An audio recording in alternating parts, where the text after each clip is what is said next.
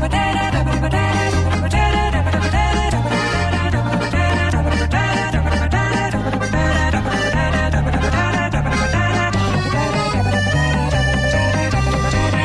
Va, més coses al suplement, perquè aquesta setmana hem sabut que l'Euribor ha crescut 3 punts i que les hipoteques seran 226 euros més cares que l'any passat, que pagarem 30 cèntims més per una targeta d'autobús T10, que un paquet de tabac és 25 cèntims més car, que amb la pujada del 3% de l'IPC i la congelació de la majoria de sous, la vida se'ns fa una mica més complicada econòmicament parlant.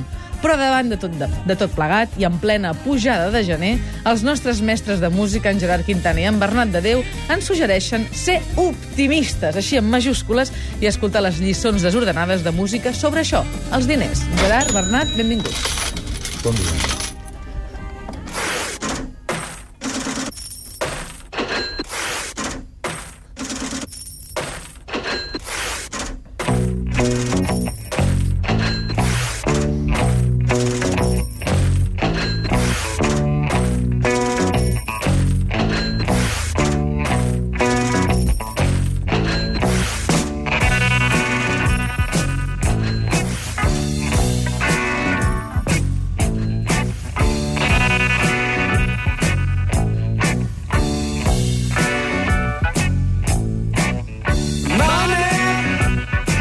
Ja ho ha dit. Ja ho he dit. La veritat és que m'ha sigut molt difícil triar tres talls perquè hi ha tanta música dedicada als diners, eh, almenys música popular, música cançons eh, del segle XX i d'aquest segle XXI, que la veritat és que fa, fa basarda, no? Dius, eh, sí que ens preocupen els diners. I em pensava que el tema principal de les cançons populars era l'amor, però Sí, no. potser són els diners, eh?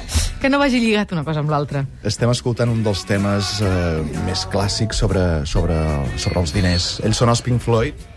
Són els Pink Floyd amb el tema segurament més eh, fonamental a nivell de- d'èxit i a nivell popular de la seva carrera. Pink Floyd eh, formaven part de l'escena de Canterbury, eh, van néixer a mitjans dels 60, ja van parlar d'això que van parlar de Soft Machine i del Robert Wyatt. Eh, aleshores, eh, aquest, aquesta mena de, de treball experimental que van fer els Pink Floyd, sobretot a començaments de la seva carrera, eh, ve marcat una mica el canvi que representa aquest Money per la desaparició del seu líder, els seus primers anys, Sid Barrett, també per, un, per una mala pujada de, de, de LSD. En aquest sentit, eh, l'entrada de David Gilmour, el guitarrista, representa un canvi absolut. I Money és una cançó de l'any eh, 75 que forma part del seu disc més exitós, el eh, The Dark Side of the Moon, un disc que va estar eh, durant eh, 721 setmanes, o sigui, molts anys, em sembla que des del 73 fins al 88, a la llista dels 200 discos més venuts del món. Uh, Money uh, és el primer senzill que treuen just després de molts anys de no treure senzills. Uh, recordem que l'anterior single dels Pink Floyd durava 20 i pico minuts, formava part del disc Medal, la cançó Echoes, i és un disc que ens podria donar per parlar de moltes coses, des del sampler amb el que comença el, el, la cançó, hem sentit un, un paper estripat, uh, una caixa registradora i un sac de monedes caient, fins al, al temps eh, en el que està feta. El Money és un 7 per 4 O sigui, si comencem a comptar el riff que fan al començament, comptaríem 1, 2, 3, 4, 5, 6, 7... 1, 2, 3, 4... Només hi ha dues cançons que han arribat al número 1 de les llistes d'èxits eh, a Europa que siguin un 7 per 4 Una és aquest Money i l'altra és All Unity's Love dels Beatles. Uh -huh. eh, evidentment, just ara, en aquest moment, quan s'acaba el solo, la cançó canvia 1, 2, 3, 4, 1, 2, 3, 4. per quatre. El David Gilmour va dir que ell no feia un solo sobre un 7 per 4. Per favor. Aleshores, a, a, aquest canvi de temps fa despegar la cançó d'una manera... li dona un dinamisme extraordinari. Eh, Pink Floyd, una de les bandes fonamentals del segle XX. Und der Haifisch, der hat Zähne und die trägt im Gesicht. Und McKees, der hat ein Messer, doch das Messer sieht man nicht. Ach, es sind des Haifischflossen, rot, wenn dieser Blut vergießt.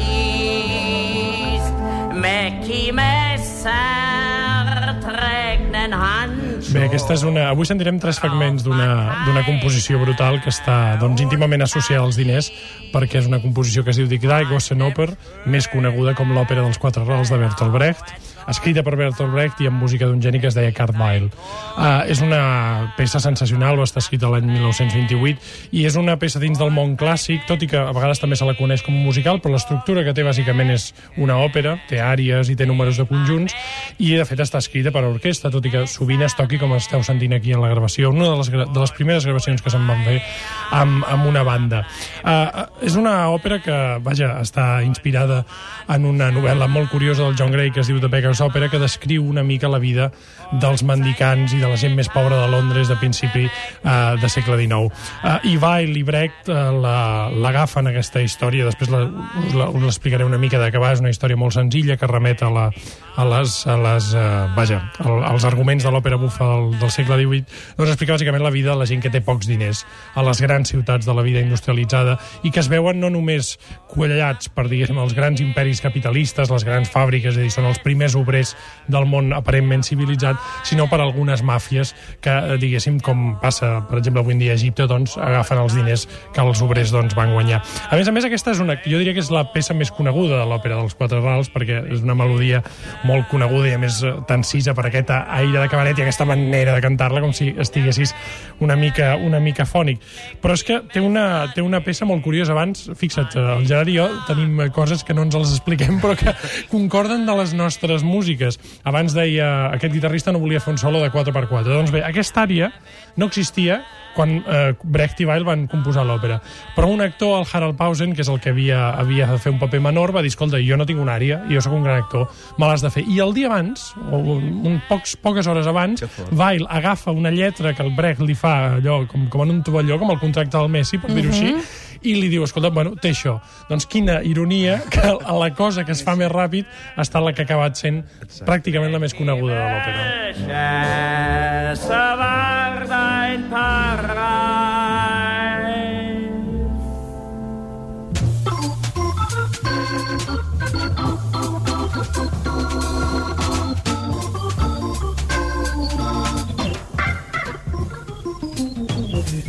cel plouen cèntims i dringuen per l'aire. Bé prou que ho veuràs si tens els ulls en l'aire. Cal obrir el cor La més i gran. ser molt La més gran. més amatent. Perdoneu, la més gran, Núria Núria, Feliu. Feliu. Però el més gran, Gerard Quintana fent playback de Núria Feliu. Sí, amb, amb, amb un gran vis de director d'orquestra.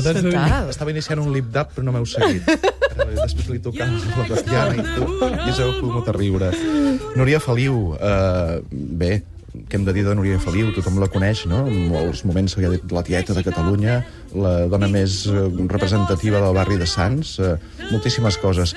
Eh, abans que existís la nova cançó i que existís tot això que hem estat celebrant els 50 anys recentment, eh, es cantava en català ja a Catalunya. Aquest disc és de l'any 65. Eh, concretament és un disc de Núria Feliu i Lou Bennett i els seus amics. Lou Bennett és un organista eh, nord-americà que es va fincar durant força temps, eh, als 60, a París. Eh, per què Núria Feliu va fer aquest segon disc amb ell? Senzill, perquè anteriorment, l'any abans, l'any del seu debut, va fer un disc extraordinari amb Tete Montoliu, que, que la va donar a conèixer al món. Tete Montoliu era un dels nostres músics eh, viaristes de jazz més, més internacionals, més universals. Això també va fer que el català comencés a ser conegut a fora. I Núria Feliu doncs, va tenir l'oportunitat de fer aquest disc en el qual versiona aquesta cançó que hem sentit ara, Pennies from Heaven, una composició dels anys 30 d'Arthur Johnson i Johnny Burke, que també van versionar Lily Holiday, Louis Armstrong, Frank Sinatra i molts altres. Eh, volia posar aquest tema per, per eh, donar una mica aquesta dimensió que això, que a mitjans dels 60 es va donar aquest fenomen que molta gent versionava clàssics de, dels estàndards del jazz, de, de, de la música nord-americana. Eh, en aquest cas, eh, Núria Feliu ho va fer i ho va continuar fent amb altres pals, vull dir, des de les cançons populars, després, els couplers, fins i tot, i recentment ha fet un treball sobre la sardana. Eh, una dona que ha posat la seva veu i el seu talent a favor de moltes coses. Heute sehen Sie mich Gläser abwaschen und ich mache das Bett für jeden. Und Sie geben mir einen Penny und ich bedanke mich schnell und Sie sehen meine Lumpen und das lumpige Hotel. Und Sie wissen nicht, mit wem Sie reden. und sie wissen nicht, mit wem sie reden. Aber eines Tages wird ein Geschrei sein am Hafen und man fragt, was ist das für ein Geschrei? Und man wird mich lächeln sehen bei meinen Gläsern. Una de les particularitats d'aquestes peces que esteu sentint és que, tot i ser un clima més aviat alegre de banda, tenen un rerefons com tràgic, no? Uh, abans us deia que aquesta obra té un profund rerefons de crítica social. Aquesta Jenny. La Jenny és la filla d'un mafiós, uh, d'un mafiós que es diu Jeremy Apichum, que és un d'aquests paios, un d'aquests tios uh, mafiosos que engatussava els pobres per treure'ls i part dels, dels, dels diners que captant doncs, agafaven. No? Aquesta és l'eix central de, de, uh, de l'òpera de Quatre Rals.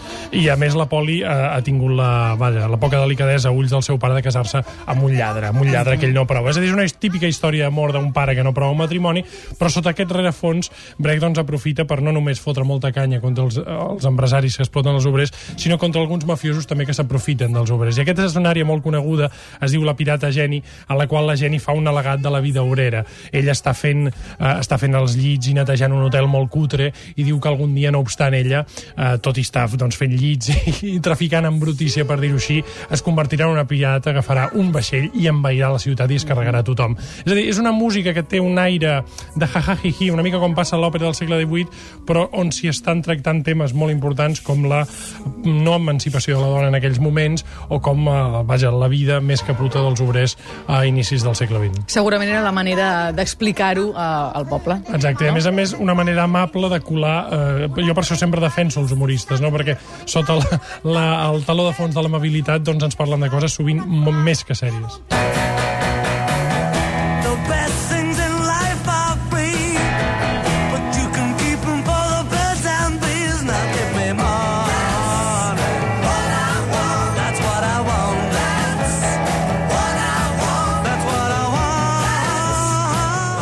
Si els Pink Floyd feien aquell moni en el qual criticaven l'efecte que tenen els diners de corrompre els valors de les persones i, i amb tot aquest contingut. I la Núria Feliu deia que els cèntims et poden caure del cel si, si tu estàs content i ets positiu eh, bé, els Beatles en aquest cas són més directes, no? Ells el que volen és pasta, és diners. Aquesta és una composició de Berry Gordy de l'any 59 per eh, la discogràfica Tamla Motown. Eh, aquest va ser un hit que va cantar el cantant Barrett Strong el mateix any 59 i després han versionat moltíssima gent des del Roy Orbison, els Beatles, els, els Jerry Lewis, els Doors, Led Zeppelin i moltíssima gent. I també l'han versionat aquests altres. Ells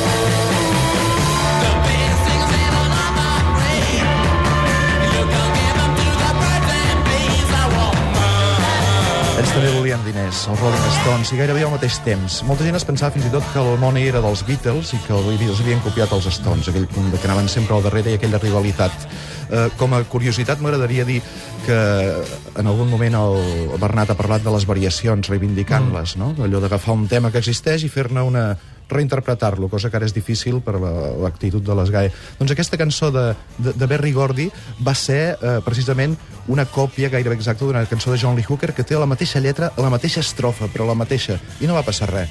Coses de la història de la música.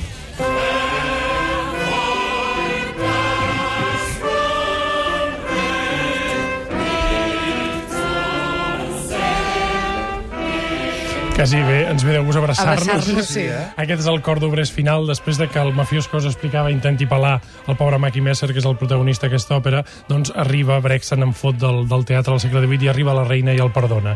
I tots es foten a emborratxar-se i a, a disfrutar que aquest, que aquest lledat no ha estat empresonat. És una òpera que, si la podeu sentir tota, és meravellosa i, a més, t'anima d'una manera brutal. Doncs ens posem deures per aquesta setmana. Gerard, que vagi molt bé el macroconcert d'avui a Valls, des de quarts de set de la tarda fins a les tantes, no? Que duri. Anem a celebrar-ho. Anem a celebrar-ho. Tots ens trobem allà. Que vagi molt bé, nois. Una setmana que ve.